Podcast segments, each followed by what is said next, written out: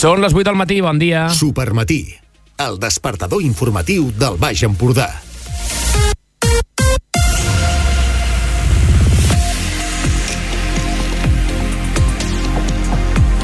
Bon dia, com esteu? Són les 8 del matí d'avui, que és dilluns 8 de maig del 2023. Comencem la setmana amb un dilluns que serà en general assolellat. Sol, algun núvol prim a tot estirar, tramuntant entre feble i moderada a la meitat nord de la comarca. La temperatura màxima puja amb xifres de 25 a 27 graus. A partir de demà sí que eh, la cosa es pot anar eh, inestabilitzant una mica per una, base, una massa d'aire fred que tindrem instal·lada i que ens pot portar ruixats en algun moment del que queda de setmana, però de seguida ho ampliem amb l'Albert Aparicio.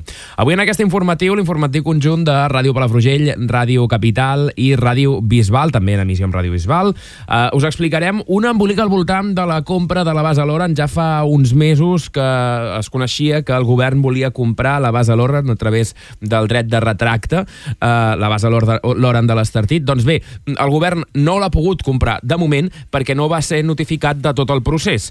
Asseguren que el correu electrònic de notificació el va rebre un treballador jubilat i ara han presentat un recurs d'indefensió per intentar poder comprar aquesta base i passar que passi a ser patrimoni del país. També us explicarem l'afectació que una de cada tres empreses gironines creuen que tindrà en el seu dia a dia. Diuen que tindrà una gran afectació. Parlarem d'una novetat al voltant del Parc Eòlic Tramuntana que ha instal·lat una boia per fer mesures al, al golf de Roses i també us explicarem que ja s'han obert les inscripcions de l'habitatge cooperatiu de Calonja, unes inscripcions inscripcions per tot Catalunya. I, per cert, una autoritat de les comarques de Girona ha visitat el papa Francesc. El papa Francesc l'ha rebut en audiència privada. Us explicarem qui és. Això en un programa en què també tindrem moltíssima gent amb qui conversar.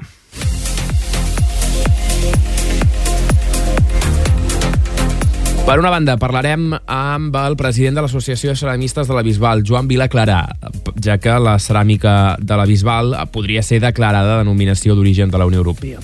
Resumirem com els ha anat el cap de setmana als equips empordanesos amb en Sergi Villena i tindrem aquí els amics d'un Mos un Glob que avui ens faran salivar per esmorzar.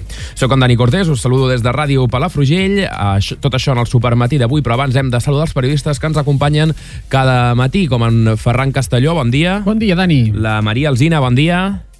Hola, molt bon dia. L'Anna Salvador, bon dia. Hola, bon dia. Carles Saló. Hola, bon dia. Sergi Villena. Bon dia. I Paula Brines, bon dia. Hola, bon dia.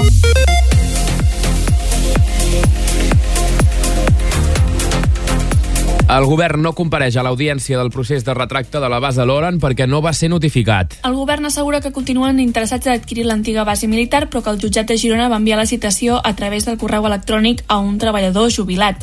Per aquest motiu han presentat un recurs d'indefensió. Una de cada tres empreses gironines ja creu que la sequera tindrà una gran afectació en el seu dia a dia. Entre els sectors més pats hi ha el clúster carni, precisament per l'ús intensiu que fa de l'aigua, i el turisme, sobretot de cara a l'estiu. És una de les conclusions que recull l'enquesta de clima empresarial que periòdicament fan les cambres de comerç de Girona, Palamós i Sant Feliu de Guíxols. Els promotors del Parc Eòlic Marí Tramuntana instal·len una boia de mesurament al golf de Roses. El sistema compta amb uns sensors pioners per detectar aus, cetacis i ratpenats, a més de paràmetres meteorològics i oceanogràfics. Els impulsors del projecte esperen que l'aparell permeti demostrar la viabilitat de l'eòlica marina a la zona, millorar les estimacions de producció del parc i aportar dades de gran valor pel disseny d'aerogeneradors i les seves plataformes flotants. L'habitatge cooperatiu de Calonja ja ha obert les inscripcions per tot Catalunya. En un primer moment, les places d'habitatge es van obrir únicament als joves empadronats al municipi. Avui al dia, amb 9 dels 14 habitatges ja ocupats, s'obre la possibilitat d'apuntar-se per a qualsevol persona d'arreu de Catalunya que compleixi els requisits de protecció oficial.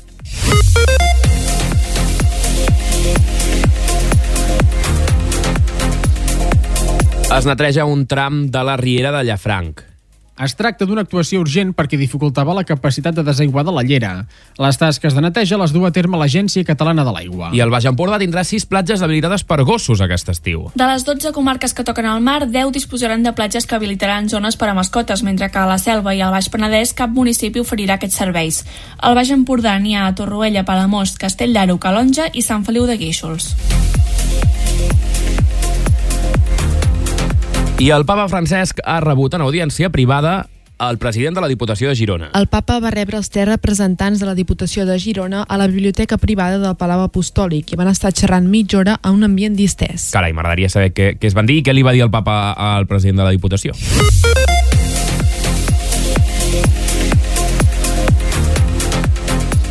I Maria, el Vivid tanca la seva desena edició amb un 90% d'ocupació, la xifra més alta de la seva història. Aquest any el festival ha comptat amb la participació d'unes 1.800 persones, una de les xifres més elevades de totes les edicions, malgrat la cancel·lació per causes climatològiques de la mostra del vídeo Empordà de Roses, l'activitat més multitudinària del Vivid, que cada any compta amb prop de 600 participants. La Fundació Pallac va lliurar el passat dijous els tercers premis Josep Pallac Empreses per l'Educació i el Compromís Social. Vam parlar amb Josep Maria Soler, el seu president. Una distinció que es dona a les empreses que siguin de l'àmbit que siguin destinen part dels seus beneficis a promocionar l'educació socialment. Enguany, les empreses metalquímica i no alimentària van ser les guardonades. Les 8 i 6 minuts, Palamós presenta el cartell per la Festa Major 2023. El jurat del concurs de la imatge de la Festa Major de Palamós 2023 va escollir el disseny elaborat pel palamosí Pitu Portes, que es basa en una composició encapçalada pel campana de Palamós i la cua de la gamba.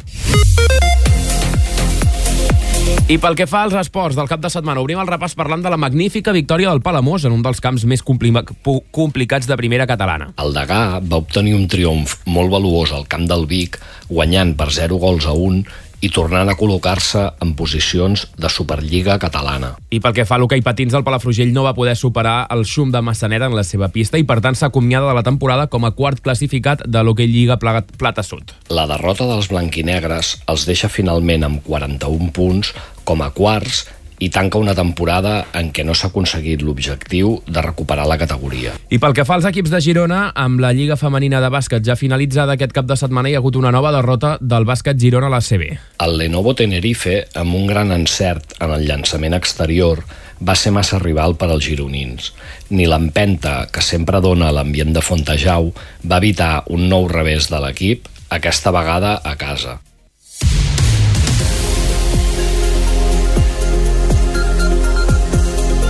I ara parlem del temps. Albert Aparicio, bon dia. Bon dia. Després dels ruixats que vam tenir, um, aquest, que hem tingut aquest cap de setmana, en quin temps comença la setmana? Comencem la setmana amb un dilluns que serà en general assolellat. Ahir vam tenir tempestes que van arribar al Baix Empordà, afectant més a punts del nord i interior de la comarca. En general, la precipitació va ser poc abundant, amb valors entre els 3 a 10 litres per metre quadrat, però localment vam tenir moments de xàfec que van deixar més de 30 litres per metre quadrat a la Bisbal d'Empordà, 25 dels quals van caure en menys de mitja hora i també acompanyats per calamarsa. Avui tranquil·litat meteorològica, sol i alguns núvols prims a tot estirar, amb tramuntana entre feble i moderada a la meitat nord del Baix Empordà. Temperatura màxima que puja amb xifres de 25 a 27 graus. Demà, primera meitat del dia encara amb temps tranquil i sol, a la tarda el vent passarà a component sud i al final del dia ja arribaran nuvolades que poden deixar algun nou ruixat la nit de dimarts i a mitjà termini la tònica serà de temps més insegur. Tant dimecres, dijous i divendres, un embussament d'aire més fred en altura facilitarà el creixement de nuvolades i per tant tindrem un cel canviant amb risc de pluja en forma de ruixats i una temperatura màximes que difícilment superaran els 22-24 graus. Gràcies, Albert Aparicio. I més enllà del Baix Empordà estan passant coses.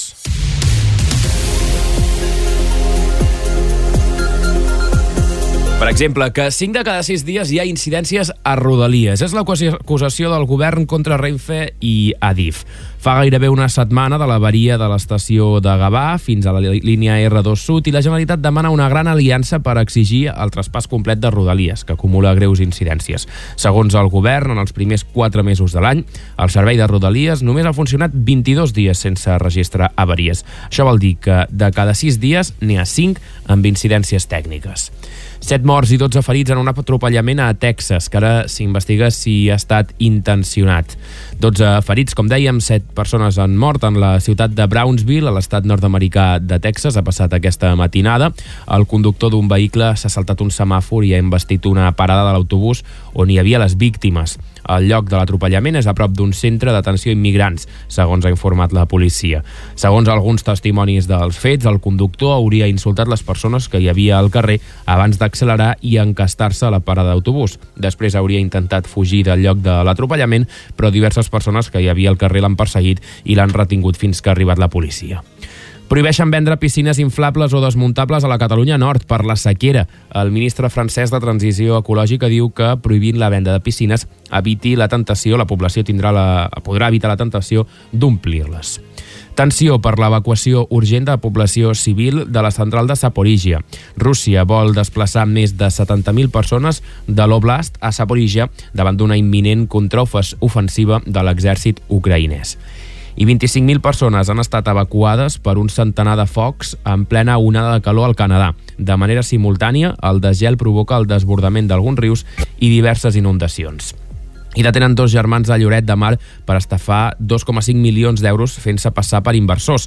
Els dos homes de 24 i 27 anys estan en llibertat amb càrrecs i se'ls ha retirat el passaport. 8 i 10 minuts, ara és el moment del comentari.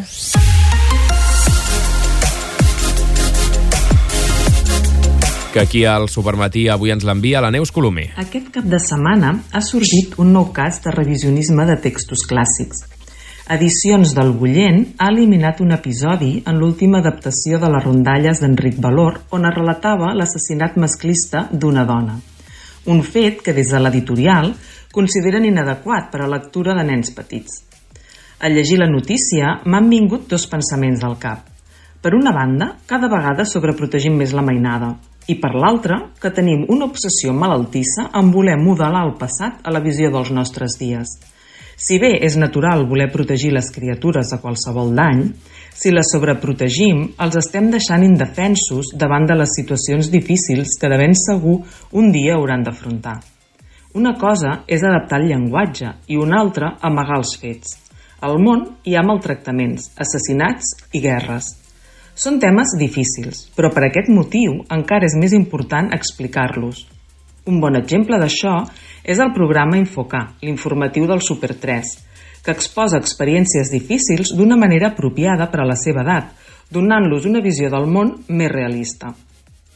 Quan reescrivim la literatura del passat, una de les conseqüències principals és que correm el risc d'esborrar el context històric i el significat cultural d'aquestes obres – la literatura és un reflex dels valors, creences i normes socials de l'època en què s'escriuen, i reescriure-la a través d'una lent moral moderna pot enfosquir aquest context històric i el seu significat.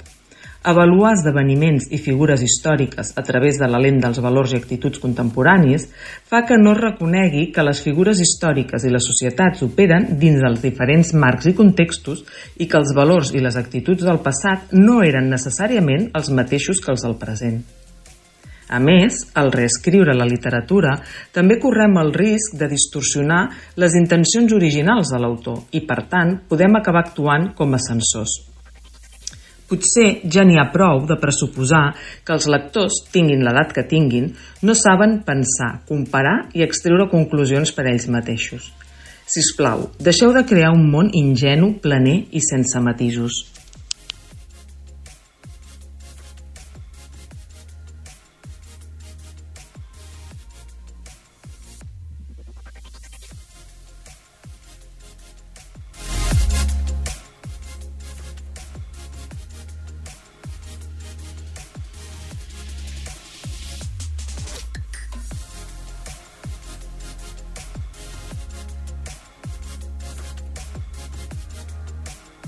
Vinga, doncs, eh, un minut i arribarem a un quart de nou del matí. Obrim tot l'informatiu del Supermatí.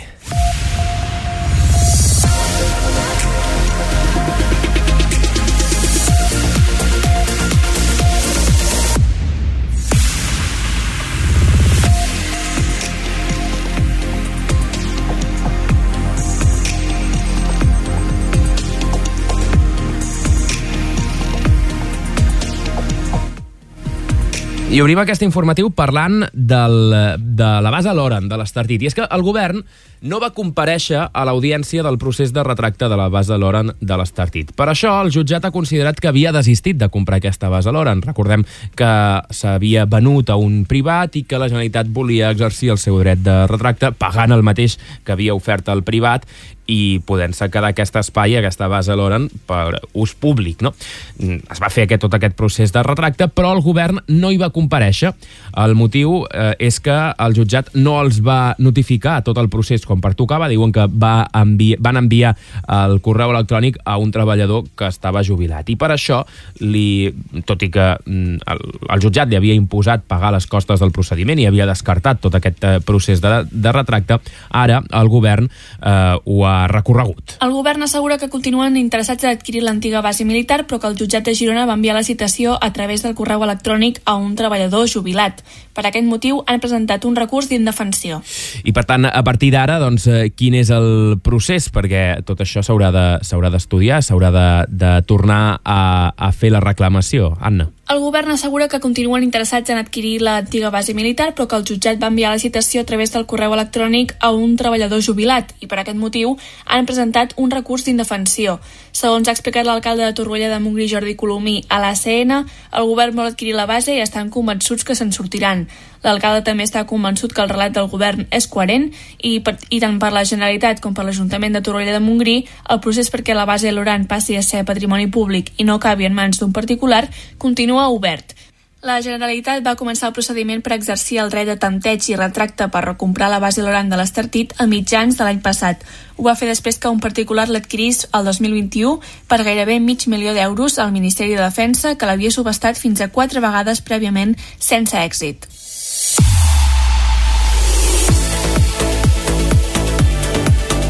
Una de cada tres empreses gironines ja creu que la sequera tindrà una gran afectació en el seu dia a dia. Entre els sectors més preocupats hi ha el clúster carni, precisament per l'ús intensiu que fa de l'aigua, i també el turisme, sobretot de cara a l'estiu. És una de les conclusions que recull l'enquesta de clima empresarial que periòdicament fan les cambres de comerç de Girona, Palamós i Sant Feliu de Guíxols. Maria. Són una dotzena de qüestions, algunes de fixes que fan referència a l'activitat durant aquell trimestre o les perspectives de futur i d'altres que canvien en funció del context socioeconòmic del moment. A cada ronda reben una vuitantena de respostes dels empresaris representants dels gremis i les associacions que integren els plenaris de les cambres. En aquesta última onada de l'enquesta, part de les preguntes han posat el focus en les repercussions econòmiques de la sequera. Aquí el 29% de l'empresariat gironí ha respost que les restriccions en l'ús de l'aigua tindran una gran afectació en el dia a dia i un altre 54%, tot i que creuen que de moment l'impacte és poc significatiu. Tampoc amaguen la incertesa per allò que pot arribar en els propers mesos. Entre els sectors que es mostren més preocupats hi ha la indústria alimentària, en especial les càrnies i les frigorífiques, precisament per la despesa intensiva que fan de l'aigua, concreta el president de la Cambra de Girona, Jaume Fàbrega. I en paral·lel explica el president de la de Palamós, Pol Fages, el sector turístic com la restauració també es mostra l'expectativa del que poden suposar les restriccions en plena temporada estival i està preocupat per les inversions que haurà d'afrontar per minimitzar l'ús de l'aigua.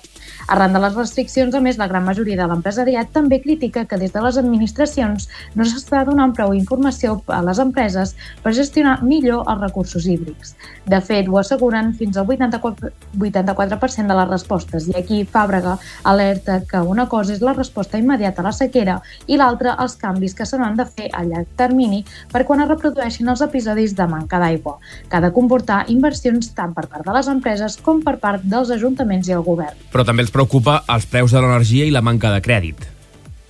Doncs sí, l'enquesta de clima empresarial tampoc amaga que entre les principals incerteses els empresaris hi situen l'increment dels costos de l'energia, aquí un 72% creuen que limitaran el creixement en els propers mesos, i les dificultats per accedir al crèdit. Ho explica el president de la Cambra de Comerç de Sant Feliu de Guíxols.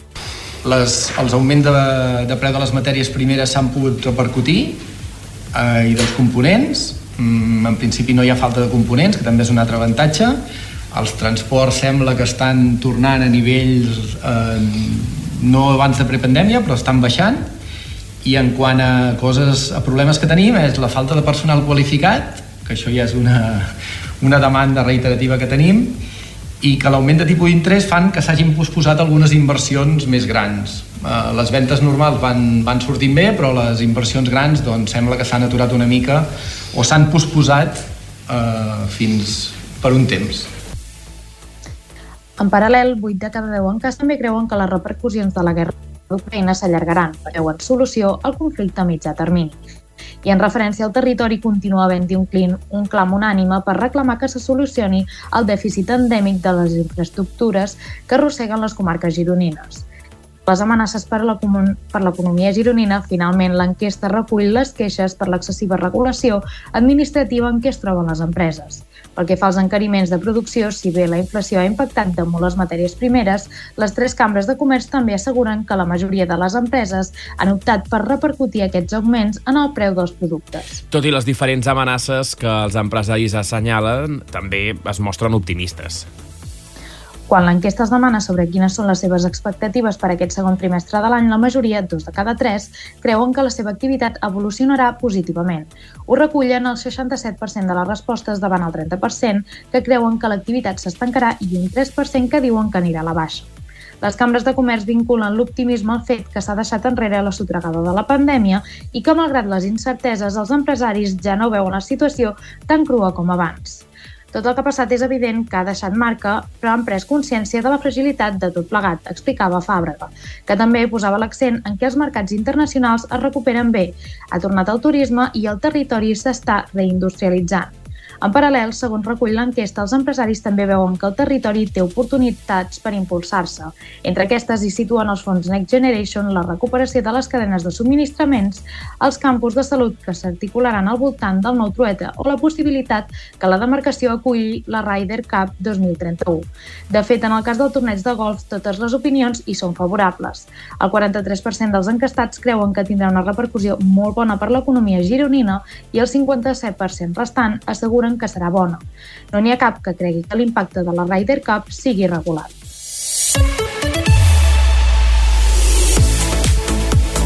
Els promotors del Parc Eòlic Marí Tramuntana instal·len una boia de mesurament al Golf de Roses. El sistema compta amb uns sensors pioners per detectar aus, cetacis i ratpenats, a més de paràmetres meteorològics i oceanogràfics. Els impulsors del projecte esperen que l'aparell permeti demostrar la viabilitat de l'eòlica marina a la zona, millorar les estimacions de producció del parc i aportar dades de gran valor pels dissenys dels aerogeneradors i les seves plataformes flotants. El prototip ha estat construït i desenvolupat íntegrament a Catalunya per l'empresa catalana especialitzada Eolos Floating Leader Solutions al seu taller de Montcada i Reixac, mentre que l'operativa d'assemblatge al final s'ha fet al port de Palamós des d'on ha sortit el vaixell per ubicar-lo al Golf de Roses. La llista de sensors de la boia es divideix en tres grups. El primer serà l'encarregat d'analitzar el recurs eòlic, mesurant aspectes com la velocitat, la direcció i la turbulència del vent i la seva variació en alçada, mentre que el segon, de tipus oceanogràfic, recollirà dades sobre l'alçada i el període de les onades, les velocitats dels corrents a la columna d'aigua i les variacions de nivell del mar. Finalment, els sensors ambientals incorporats monitoritzaran l'activitat d'ocells ratpenats i cetacis a la zona. El monitoratge d'aus mitjançant sensors passius i gravadores acústiques resistents a l'aigua que detectaran i gravaran crits d'aus i la possible activitat sonora de ratpenats a la costa i una estació receptora en la boia amb dues freqüències d'antena perquè la descàrrega de dades sigui d'unes 3 o 4 vegades a l'any, coincidint amb els períodes de migració i cria d'ocells. D'altra banda, uns hidròfons submergits permetran detectar la presència de mamífers marins com dofins, catxalots, zífids durant un any complet. A més, s'incorporen unes sondes multiparamètriques per al mesurament de paràmetres fisioquímics de la columna d'aigua, com la conductivitat, la temperatura i el pH o la concentració de CO2 dissolt.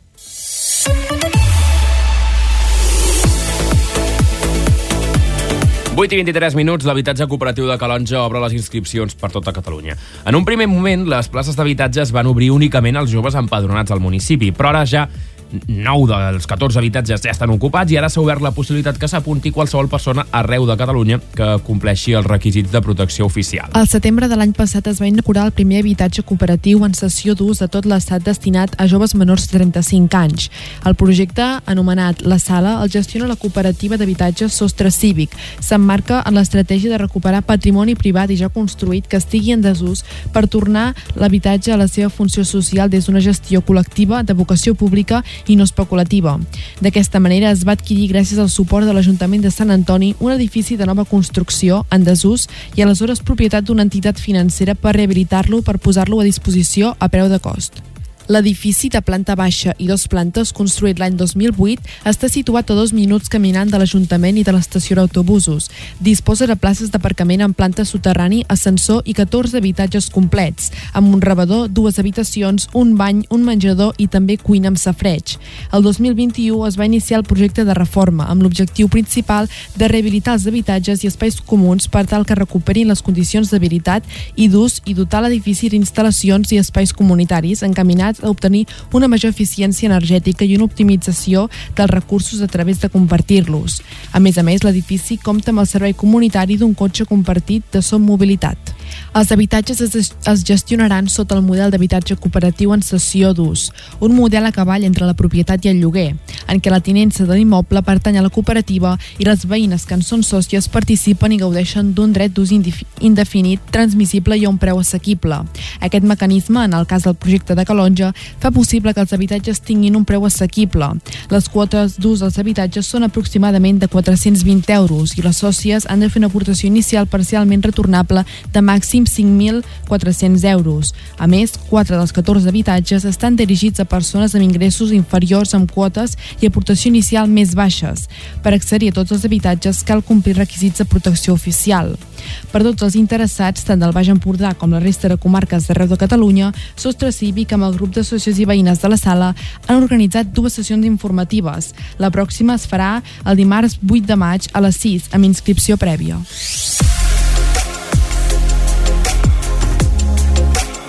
4 minuts i dos quarts, dues notícies que ens porten a la franja més litoral de casa nostra. Per una banda, s'ha netejat un tram de la Riera de Llafranc, just al costat de l'Avinguda Josep eh, Jesús Serra i Santamans. A la zona hi havia bardisses, canyes i altres restes de brossa vegetal.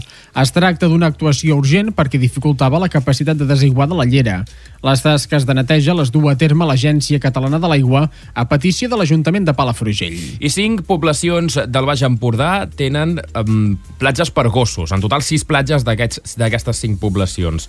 Uh, això ho sabem arran d'una investigació de Catalan News, el portal de en anglès de l'Agència Catalana de Notícies. En total, a tot el país, 37 dels 69 municipis costaners d'arreu de Catalunya tindran una platja per gossos aquest estiu. Sí, aquesta estaran a la zona dels Griells a Torroella de Montgrí, a la platja Gran i a la platja de Pere Grau de Palamós, a la Cala de la Bella Dona a Castell de Platja d'Aro i a Calonja, i la Cala del Niu de Sant Feliu de Guíxols. De les 12 comarques que toquen al mar a Catalunya, 10 disposaran de platges que habilitaran zones per a mascotes, mentre que a la Selva i al Baix Penedès cap municipi oferirà aquests serveis. L'Alt Empordà és la comarca amb més platges per gossos, 11 en 7 poblacions, i el Maresme el que té més municipis.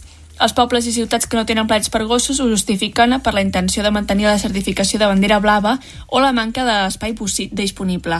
Algunes de les platges per a gossos fa anys que funcionen, d'altres, però, s'han inaugurat enguany, com és el cas de Castellplat d'Aro i Calonja Sant Antoni. De fet, aquesta última població encara està pendent d'un canvi de la descripció de la platja per part de Costes de la Generalitat de Catalunya, tot i que l'objectiu és tenir la documentació en regla abans de l'estiu.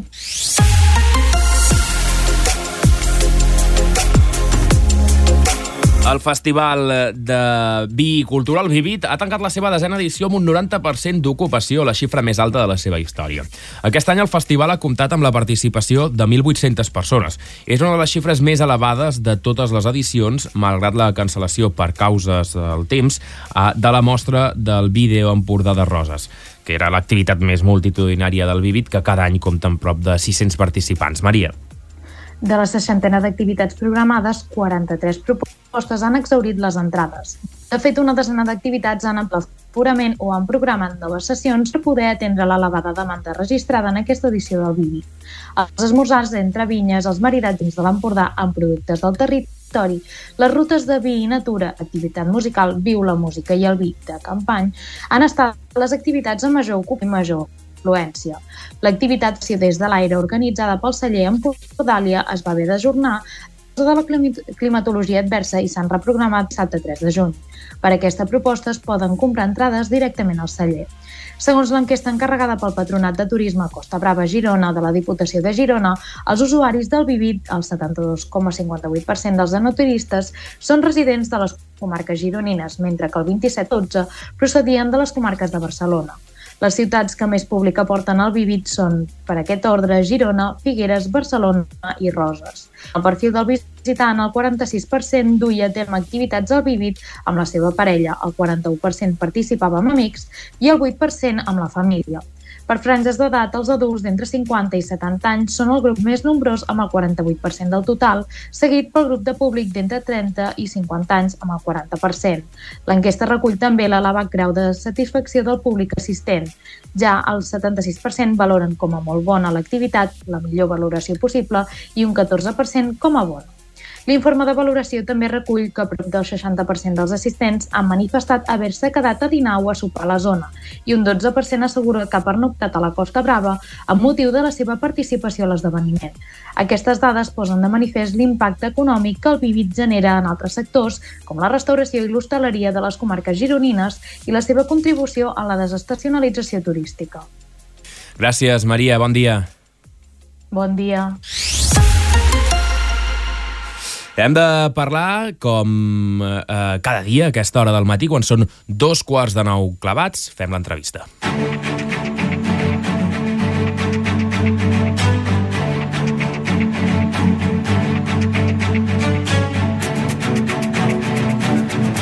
Estem expectants perquè la ceràmica de la Bisbal podria ser declarada denominació d'origen de la Unió Europea. Ho anunciàvem fa uns dies perquè el municipi bisbalenc figura en la llista de 24 articles catalans que tradicionals que opten aquest reconeixement. Per parlar una mica més d'aquest reconeixement i la situació de la ceràmica al municipi, ens visita aquí al Supermatí de Ràdio Palafrugell, Ràdio Capital, en emissió a Ràdio Bisbal, el president de l'Associació de Ceramistes de la Bisbal, Joan Vilaclara. Bon dia, senyor Vilaclara. Eh, bon dia. Com ha rebut aquesta notícia de la possibilitat de ser declarats eh, denominació d'origen de la Unió Europea? Home, en principi aquestes notícies sempre s'arreben positivament, no? És veritat que ja formem part d'aquesta llista de 24 articles classificats per la Generalitat com a productes eh, catalans, diguem-ne, singulars, no? Però evidentment si tenim una denominació d'origen a nivell europeu pot ser molt interessant. El que passa que això també comporta una responsabilitat i una feina tot darrere que es té que fer. Uh, clar, quina és aquesta feina al darrere? I sobretot també li vull preguntar si vostès tenen... Com, com han sabut la notícia, si se'ls havia notificat des de la Generalitat o si tenen alguna notícia de, com, de quan es sabrà no. alguna cosa? Bueno, eh, nosaltres, la notícia, bueno, jo, la notícia que com a president, la notícia me la va, me va donar un, un, un, un corresponsal a Brussel·les d'un diari català que havia rebut, doncs, eh, que havia sapigut que havia passat, que havien aprovat aquesta llei. Val, per tant, des de la Generalitat no els han dit res de si han de preparar no, no. alguna cosa, si han de fer papers, almenys no. s'estalvien la paperassa vostès, també. Suposo que ens estalviarem la paperassa, però en principi aquí a la Bisbal ja fa molt de temps que treballem amb la marca ceràmica de la Bisbal. O sigui que la ceràmica de la Bisbal, la ceràmica que es fabrica a la Bisbal ja té una marca, que és la marca ceràmica de la Bisbal. Això ja ho tenim des de fa molt de temps i ja doncs, hi ha molts productors de ceràmica de la Bisbal que van servir aquesta marca. Però clar, la marca tampoc ben bé no deu ser exactament el mateix que una denominació d'origen. La marca en aquest cas és per tots aquests productes de ceràmica que es fabriquen a la Bisbal i la denominació d'origen pot ser, seria eh, diguem-ne, que aquesta ceràmica més o més complís les condicions, diguem-ne, de singularitat de la ceràmica del Bisbal. Clar, què implicaria? Què implicaria tenir una, un reconeixement, no, una denominació d'origen europea? Home, a veure, la Bisbal ja va ser declarada ciutat, ciutat artesana a Europa, a l'Europa continental, la primera ciutat declarada ciutat artesana de l'Europa continental les altres ciutats artesanes que hi havia eren en, en les illes britàniques, però no eren, diguéssim, l'Europa continental. Uh. -huh. Per tant, ja tenim un reconeixement europeu de ciutat artesana. Això ja implica doncs, que potser ho tenim bastant més fàcil que altres eh, per poder tenir la denominació d'origen.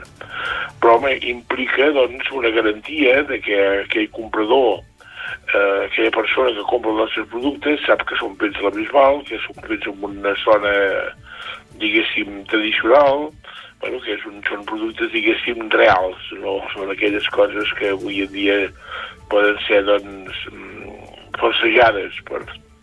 Eh?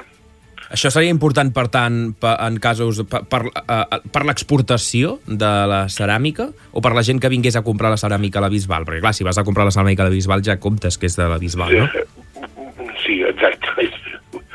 Bé, és important per l'exportació, també és important per la gent que venen a comprar la ceràmica a la Bisbal. La Bisbal té moltes eh, botigues, eh, té molt de comerç de la ceràmica, i hi ha ceràmica que s'ha fet a la Bisbal, però potser no, no té aquesta, aquestes característiques pròpies de la Bisbal, llavors diríem, classificaria molt més bé el que és la ceràmica. Això no vol dir que la ceràmica que es fabrica a la Bisbal, que no tingui la que no pugui tenir la denominació d'origen, no sigui una, una ceràmica que, sigui, que tingui el mateix interès, no? Però estem parlant de productes artesans de denominació d'origen, productes que tenen unes característiques especials. Mm -hmm. Clar, quines són aquestes característiques? Perquè pel que m'està dient, no tota la ceràmica que es, que es fa i es compra a la Bisbal pot eh, assolir aquest eh, reconeixement. Això tenim que veure-ho, perquè, és clar, tota la ceràmica que es compra no, tota la ceràmica que es fabrica a la Bisbal té la marca ceràmica de la Bisbal, això ja ho té. Eh? O sigui, ja tenim un segell que diu la marca ceràmica de la Bisbal. I tota aquella ceràmica que es fabrica la Bisbal i que es compra o a la Bisbal o en altres llocs o que s'exporta. Però després tenim, si la denominació d'origen té que ser per les característiques pròpies de la ceràmica de Bisbal, evidentment té que ser una ceràmica feta amb argila vermella, amb les engalbes, que són de, banyada amb engalbes, que són terres de colors, eh, i vidriada, que és la ceràmica tradicional de la Bisbal, no? Després sobre això hi ha moltes variants, però que segueixin aquesta tradició.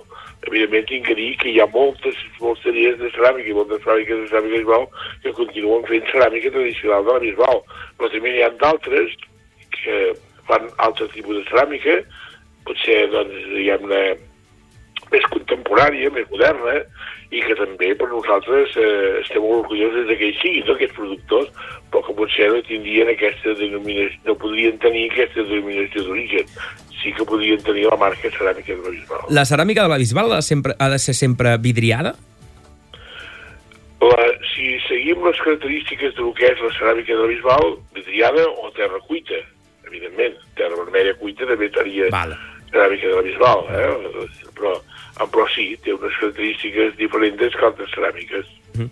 uh, per tant, pel que em deia abans, vostès mm, tràmits no, no els hi han demanat cap, eh? Vull dir, tot això s'encarrega la Generalitat. Nosaltres encara no ho, sabia, no ho sabem, la veritat, això és molt recent uh -huh. i encara no, no tenim gaire clar què és el que passa aquí, perquè, clar, què pot passar? Pot passar que simplement el ser de la Bisbal, que ja és un, unes, un, un dels oficis, diguéssim, que la Generalitat o una de les, de les produccions artesanes que la Generalitat ja ha fet la seva pròpia dominació, doncs, eh, bueno, que ja automàticament podem ser doncs, amb la denominació d'origen ceràmica eh, europea. Però no ho sabem. Intentarem saber-ho, doncs intentarem que ens ho expliquin bé aquests propers, en aquests propers dies o aquests propers mesos, no? Sí, tant de bo, tant de bo, perquè, de fet, són vostès qui haurien, qui haurien de tenir tota la informació per part de la Generalitat, per tant, esperem que, que es posin en contacte aviat, diguem -ne. Sí, home, jo crec que ja nosaltres sí que hem estat en contacte amb, el, amb diguéssim, amb, amb iniciatives econòmiques de l'Ajuntament de la Bisbal i jo crec que els tècnics d'iniciatives econòmiques de l'Ajuntament de la Bisbal en aquest moment ja hi deuen estar treballant. Eh?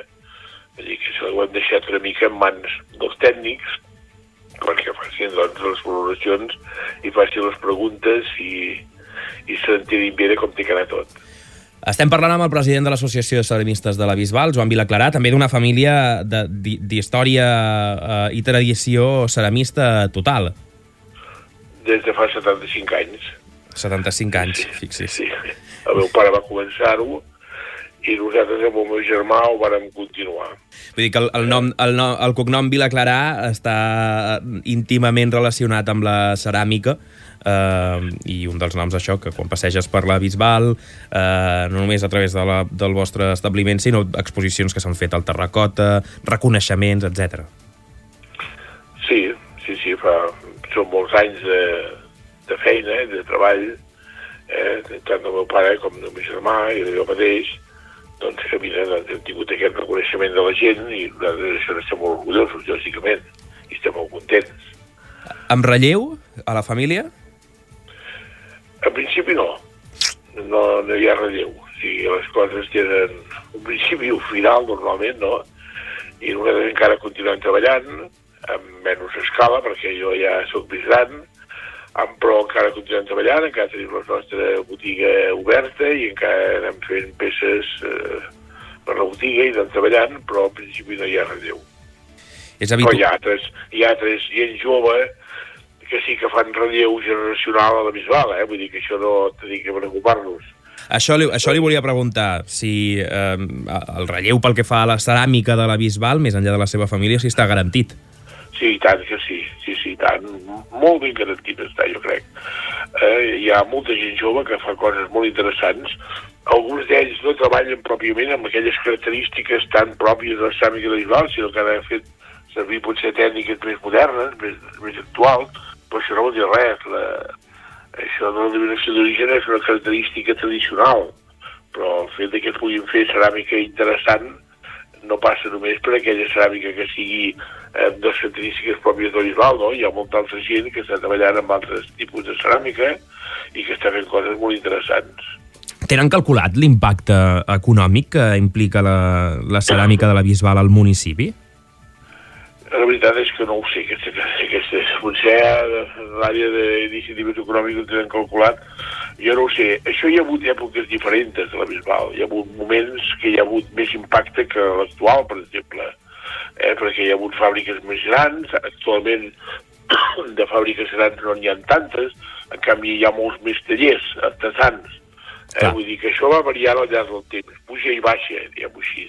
Uh -huh. No és una cosa no és una cosa plana, eh? Mhm. Això és una cosa... No és, vull dir, va pujant, depèn del moment de, de les èpoques. Ara, actualment, jo crec que és molt interessant perquè, a part d'algunes fàbriques grans que hi han, que queden, no?, eh, hi ha molts tallers nous, artesans, que s'estan instal·lant a la Bisbal, i que hi ha gent que potser alguns venen de fora o que són de la pròpia Bisbal i que, bueno, que, que estan fent coses molt interessants. A més, tenim, tenim el cicle formatiu de ceràmica de l'Institut de la Bisbal, que, bueno, això també ajuda que hi pugui haver-hi doncs, gent que ens substitueixi, no? Mhm. que faci el relleu generacional.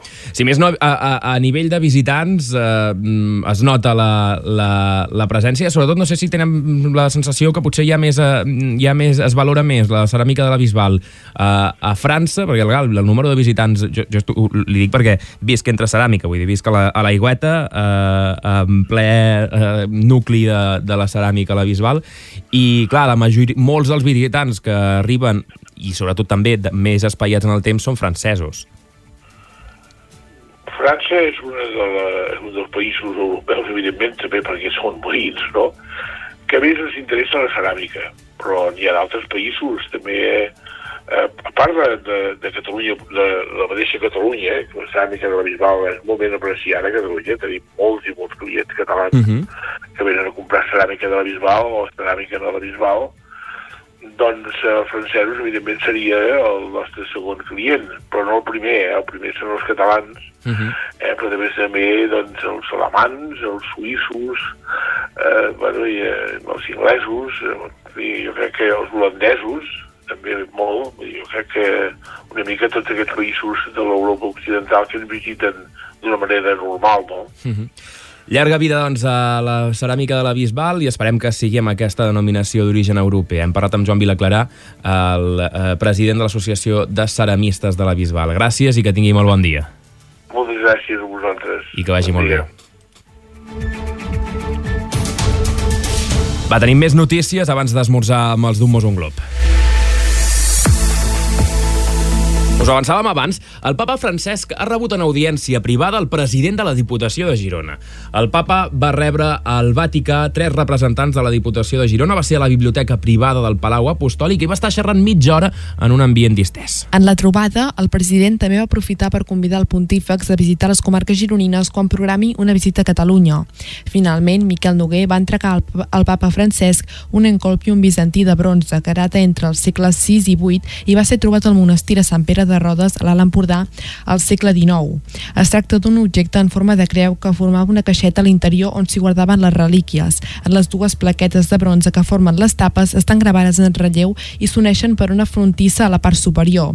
L'envers de la creu és un espai reservat a la figura de Crist, acompanyat per la Verge Maria i Sant Joan, a part dels símbols del Sol i la Lluna.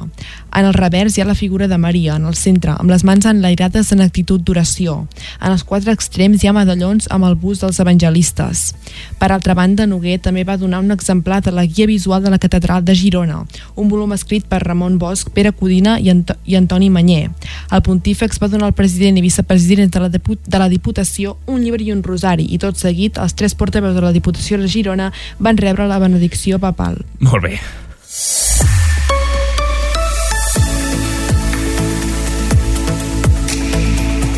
Sé si eh, el president de la Diputació de Girona li va demanar eh, sort també de cara a les eleccions municipals, eh, alcalde de Banyoles.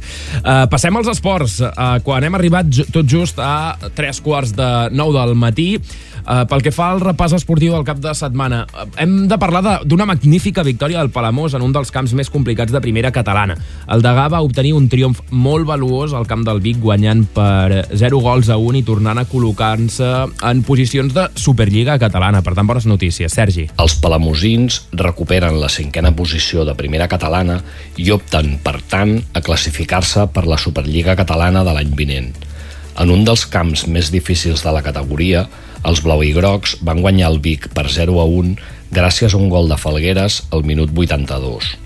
Els locals, que són segons, es van veure sorpresos per aquesta diana del Palamós a pocs minuts del final i no van saber reaccionar. En la propera jornada, els d'Àlex Redondo rebran a casa el Lloret, un altre dels equips immersos en la lluita per obtenir plaça per la Superliga catalana.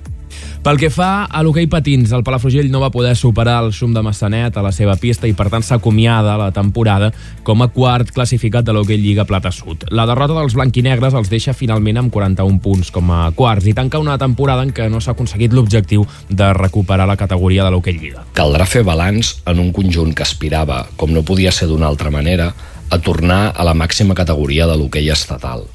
El mal regust de perdre l'últim partit accentua les mancances de l'equip de Palafrugell durant una temporada convulsa. Tot i que van estar a punt de sorprendre el seu rival a domicili, finalment el xum de Massanet es va imposar per 4 gols a 2 i els de Cesc Linares no van poder acabar la Lliga amb un bon resultat. I pel que fa als equips de Girona, amb la Lliga Femenina de Bàsquet ja finalitzada aquest cap de setmana, hi ha hagut una nova derrota del bàsquet Girona a la CB. El Lenovo Tenerife, amb un gran encert en el llançament exterior, va ser massa rival pels gironins. Ni l'empenta que sempre dona l'ambient de Fontejau va evitar un nou revés de l'equip, aquesta vegada a casa. Sense massa temps per analitzar aquesta nova derrota, el bàsquet Girona tornarà a jugar demà dimarts a casa novament davant del Betis. És un partit molt important perquè els andalusos són setzents, un lloc per sota dels gironins, i guanyar és imperatiu per als de Marc Gasol. Molt bé, gràcies, Sergi Villena, bon dia. Bon dia. Va, i ara fem esmorzar. Ja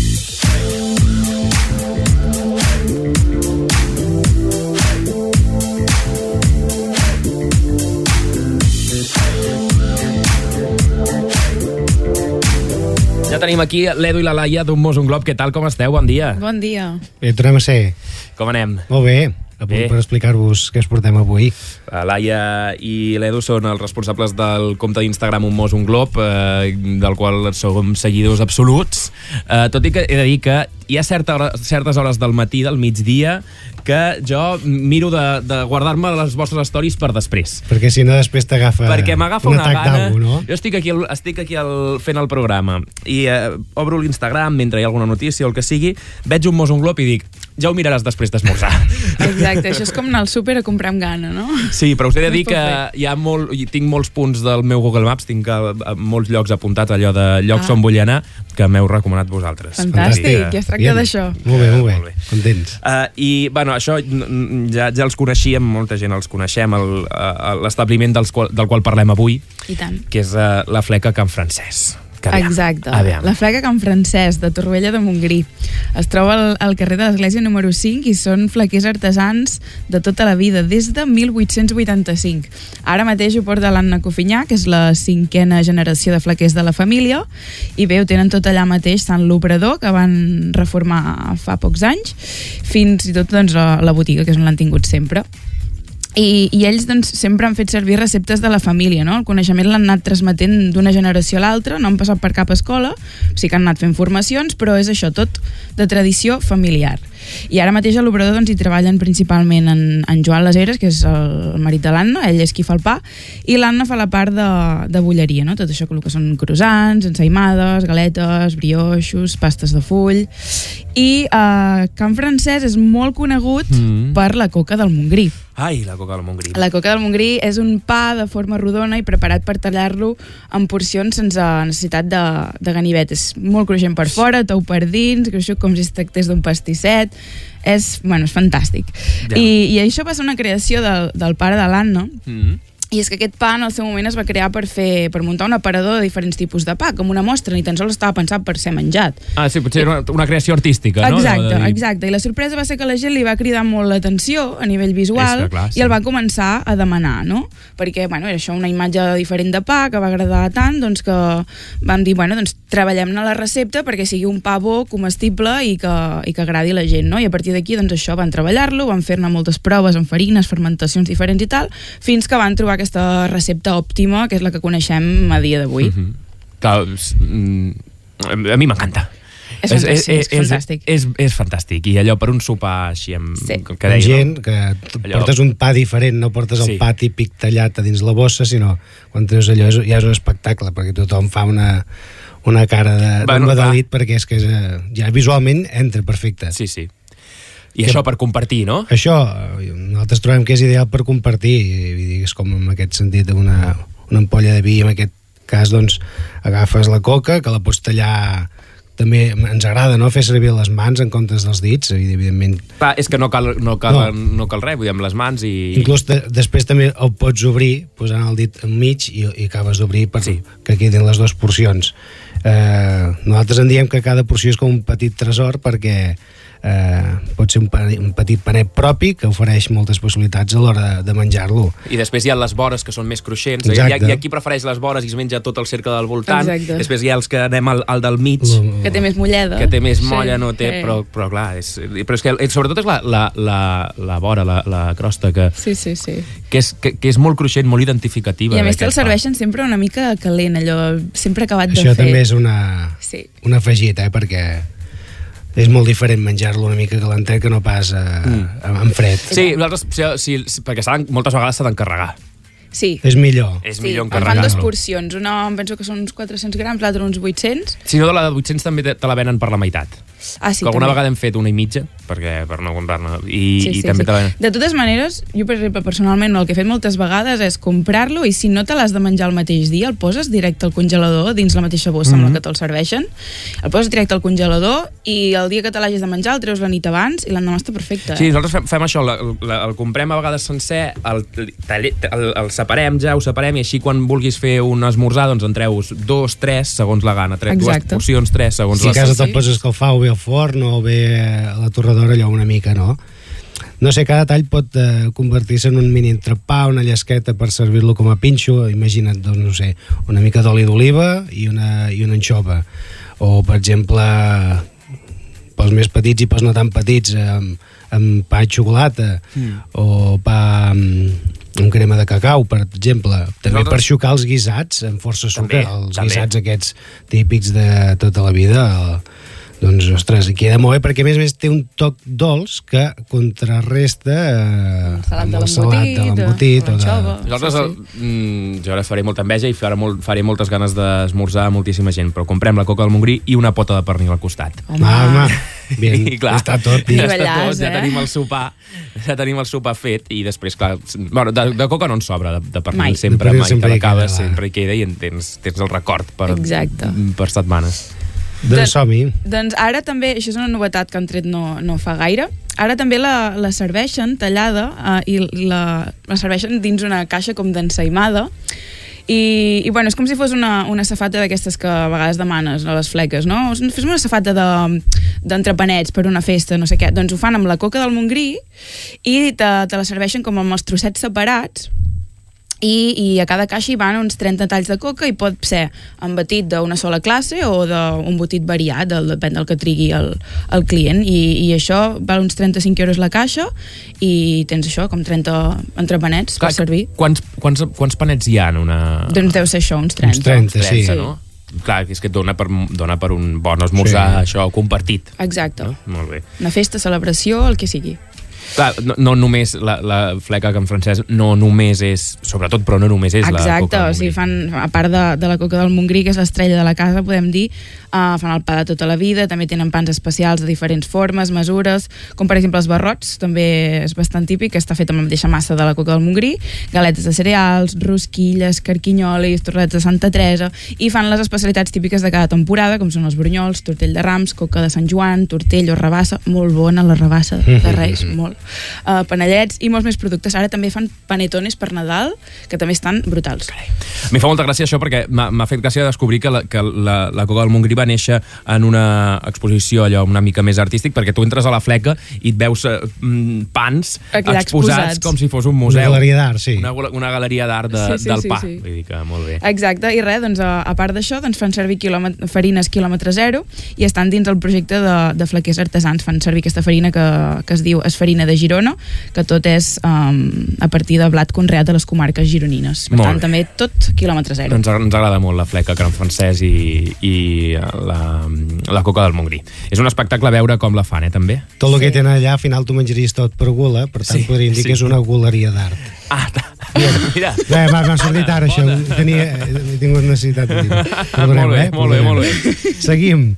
Si us sembla bé, seguim amb les activitats. Activitats, va, què tenim? que n'hi ha moltíssimes. Ja sabeu que quan comença la primavera això és una, és una desformada És no parar. important. Per exemple, la primera, el ganxo tapes. On es fa això? Doncs a Sant Feliu de Guíxols, eh, del 28 d'abril al 28 de maig, el ganxo tapes. Ganxo tapa més beguda, 3 euros. La beguda pot ser cervesa, aigua o vi. I després també, si no volem anar eh, de bar en bar en aquest sentit, també podem fer un menú de 6 tapes més una beguda per persona.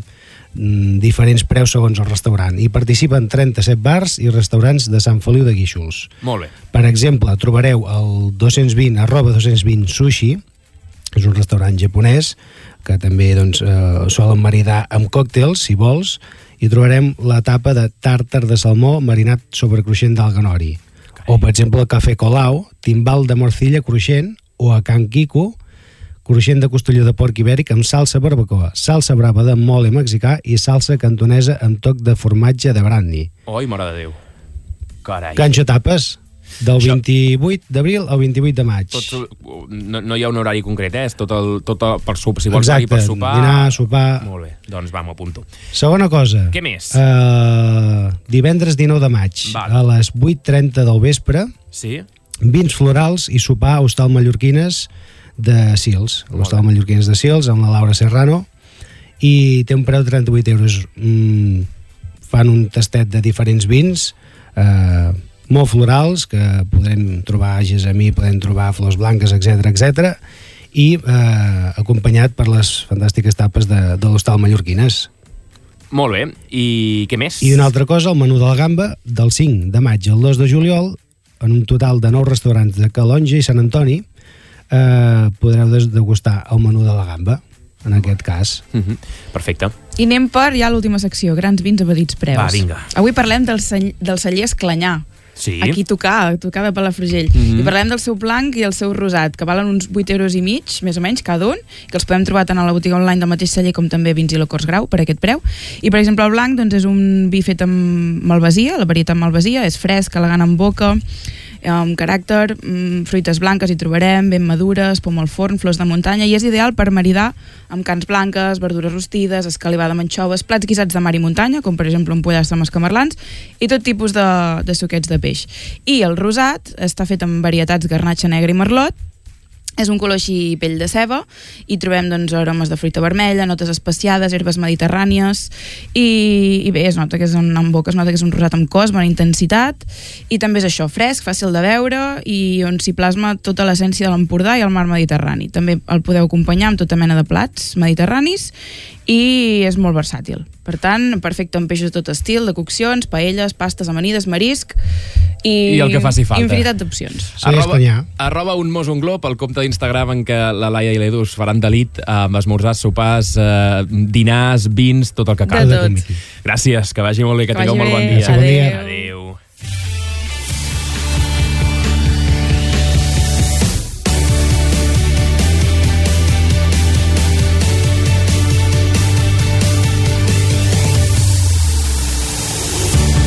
Va, acabarem ja aquesta, aquest supermatí d'avui, dilluns 8 de maig del 2023. Tornem demà a les 8 del matí en emissió a Ràdio Palafrugell, Ràdio Capital i Ràdio Bisbal. Que vagi molt bé, que tingueu molt bon dia.